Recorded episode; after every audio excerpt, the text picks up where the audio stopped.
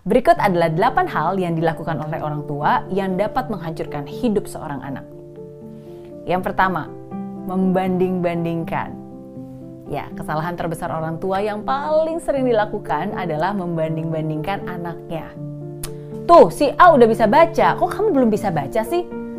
Lihat deh, kakak kamu aja ranking satu terus loh. Masa kamu ranking terakhir?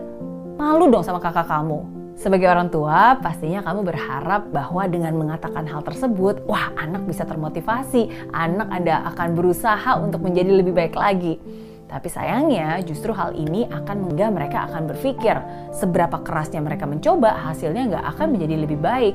Dan mereka akan selalu membandingkan saudara satu dengan yang lain. Dan justru hal tersebut akan memicu hubungan yang tidak sehat di antara mereka, di antara kakak adik, di antara saudara satu dan saudara lainnya. Sehingga justru bukannya uh, rasa kompetisi untuk ingin maju malah tubuh rasa iri dan benci terhadap satu sama lain. Padahal sebagai orang tua harusnya um, bisa membuat anak-anaknya merasa dicintai secara adil dan juga diberikan hak untuk menjadi diri mereka sendiri. Yang kedua, kata-kata atau ucapan yang menyakitkan. Coba kamu ingat-ingat, seberapa sering kamu mengatakan hal ini kepada anak? Udah, kamu gak usah ikut lomba, nanti kalah malah nangis loh. Kamu juga gak akan pernah juara. Udah, kamu kan tuh orangnya suka capean, gak usah deh ikut-ikut les sepak bola seperti itu. Udah deh gak usah belajar terus. Alasan aja dasar emang kamu gak pinter anaknya. Well, mengatakan hal-hal negatif dan menyakitkan hanya akan merusak kepercayaan diri seorang anak dan merusak mental mereka. Sebagai orang tua, harusnya kita selalu memberikan support. Sebagai orang tua, harusnya kita selalu memberikan yang terbaik, memberikan mereka kesempatan, memberikan mereka kepercayaan, sehingga anak bisa mempercayai diri mereka sendiri, dan anak bisa menghargai prosesnya dan berhasil mencapai apa yang dia inginkan. Ketiga, kalimat yang tidak menginginkan mereka. Ya, mungkin secara nggak sadar kamu pernah mengatakan, Kenapa sih kamu lahir jadi cowok? Mama kan maunya anak cewek, lebih enak bisa didandanin. Ah, lebih baik nggak punya anak aja deh daripada punya anak kayak kamu. Gara-gara kamu tuh ya, mama jadi berhenti kerja nih. Jangankan anak ya, orang dewasa aja kalau mendengar kalimat seperti itu, wow, pasti sedih rasanya. Sebagai orang tua, tidak seharusnya lah kita mengatakan hal-hal seperti itu kepada seorang anak. Karena dengan kamu mengatakan hal-hal seperti itu, mereka akan merasa nggak diinginkan. Mereka bahkan akan merasa nggak layak gitu untuk hidup di dunia ini. Mereka akan merasa tersingkirkan dan mereka juga akan menghilangkan identitas diri mereka. Dan uh, pada akhirnya banyak dari mereka yang akhirnya merasa depresi, menyendiri, dan menyakiti diri mereka sendiri. Ingat, seorang anak nggak akan pernah bisa memilih dengan siapa dia dilahirkan.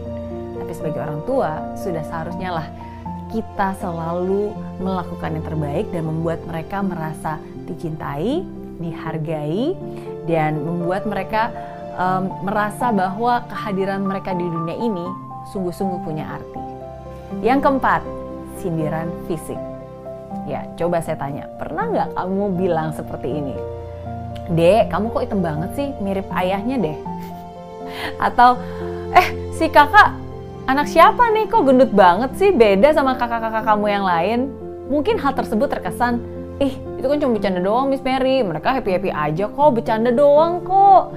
Padahal secara tidak sadar kalau itu terus-menerus diucapkan uh, dan terus-menerus didengar oleh anak, ya uh, pasti mereka juga akan merasa sesuatu ya uh, udah merendahkan mereka secara fisik dan gak jarang loh anak-anak juga akhirnya jadi minder uh, sehingga sering kali ya anak itu juga mengalami rasa ketidakpercayaan diri yang sangat rendah dan sering kali mengalami gangguan emosional yang cukup serius seperti gangguan makan atau bahkan mungkin melakukan segala macam cara untuk bisa mengubah fisiknya menjadi yang lebih sempurna supaya dia mendapatkan pujian dari orang tuanya.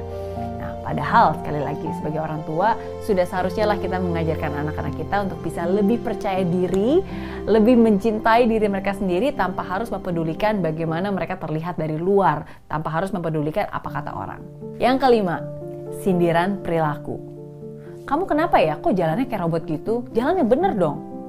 Kamu ini nulis atau ngukir sih? Kok lama banget selesainya? Aduh, kok kamu itu aneh banget sih jadi anak? dan seterusnya dan seterusnya. Setiap orang tua pastinya ingin anak mereka melakukan hal dengan benar sesuai dengan yang dia pikirkan ya. Nah, namun tanpa sadar sering kali uh, pernyataan-pernyataan atau bahkan pertanyaan sarkastik seperti ini membuat anak merasa tersudut dan merasa bahwa ada sesuatu yang salah nih dari perbuatan mereka. Nah, dan hal ini bisa berdampak bukan hanya saat mereka kecil, remaja, bahkan sampai mereka dewasa nanti. Mereka cenderung akan sulit untuk menjadi diri mereka sendiri. Mereka akan selalu merasa eh, nggak nyaman, selalu merasa takut ketika menjadi perhatian banyak orang.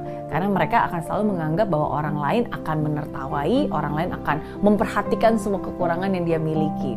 Nah, kenapa itu terjadi? Ya karena dari kecil mungkin sudah selalu diberikan uh, sindiran-sindiran, pernyataan-pernyataan yang sarkastik uh, tentang perilaku mereka seperti yang tadi saya contohkan.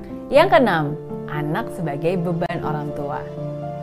Banyak dari orang tua yang sering kali mengucapkan, tahu nggak, bapak tuh capek kerja biar kamu bisa sekolah. Kamu tuh ya menghabiskan banyak uang, susah banget sih ngurusin kamu. Mama tuh capek banget tahu nggak ngurusin anak seperti kamu. Nah, kata-kata seperti itu sering kali terucapkan. Namun, secara tidak sadar kata-kata seperti tersebut mampu membuat anak merasa menjadi beban bagi orang tuanya. Sehingga banyak anak akhirnya berubah menjadi pendiam dan gak mudah untuk menceritakan permasalahannya. Kenapa? Ya karena mereka ingin menghindari kemarahan dari orang tua mereka atau mereka nggak ingin menjadi beban, nggak ingin mengecewakan orang tua mereka. Jadi daripada disharingkan dan diceritakan lebih baik ya udah dia diem aja sendiri karena mereka nggak mau jadi beban.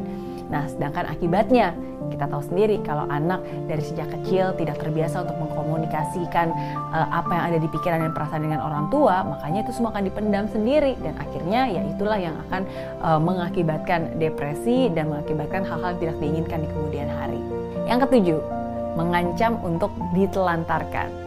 Nah, biasanya nih ketika orang tua sedang lelah, sedang capek, tanpa sadar dia akan mengatakan, Awas ya kalau kamu nangis lagi ya, mama taruh kamu di penitipan anak aja ya.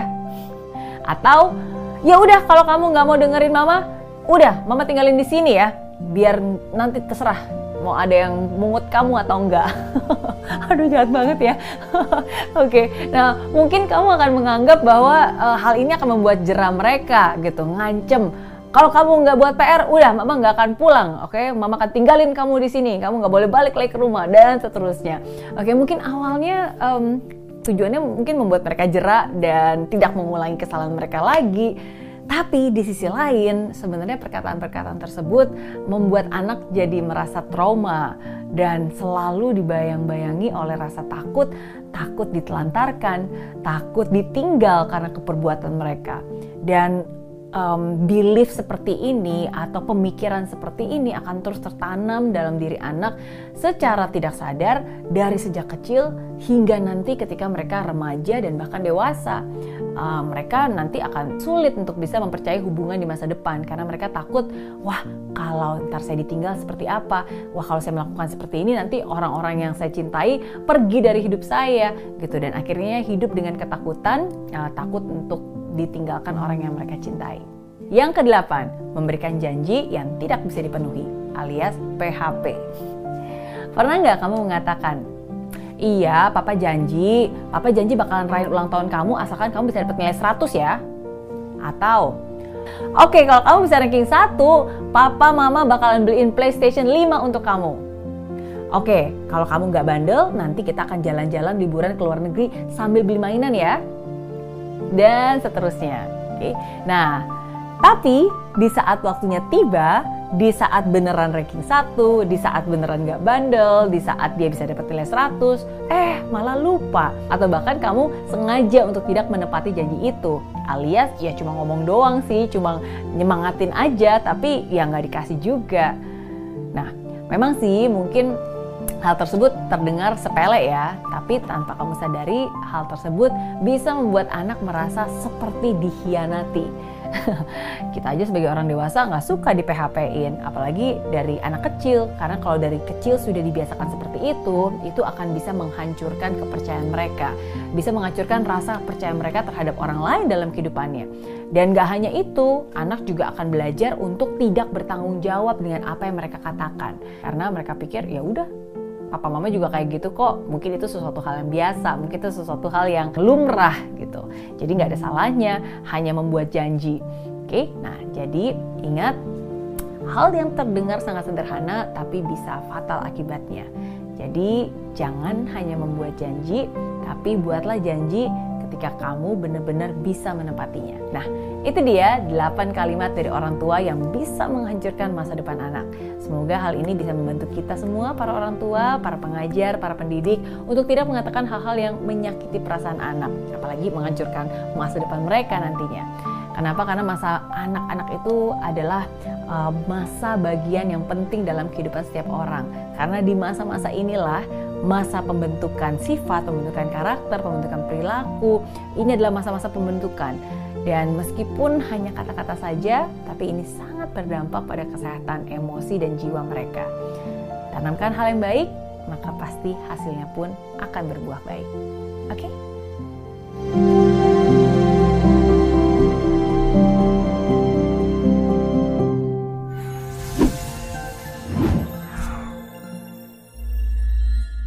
Aplikasi Mary Riana tersedia lengkap video-video YouTube terbaru saya, artikel yang up to date, post inspirasi, koleksi merchandise, workshop dan seminar yang bisa kamu dapatkan free dan download sekarang juga gratis.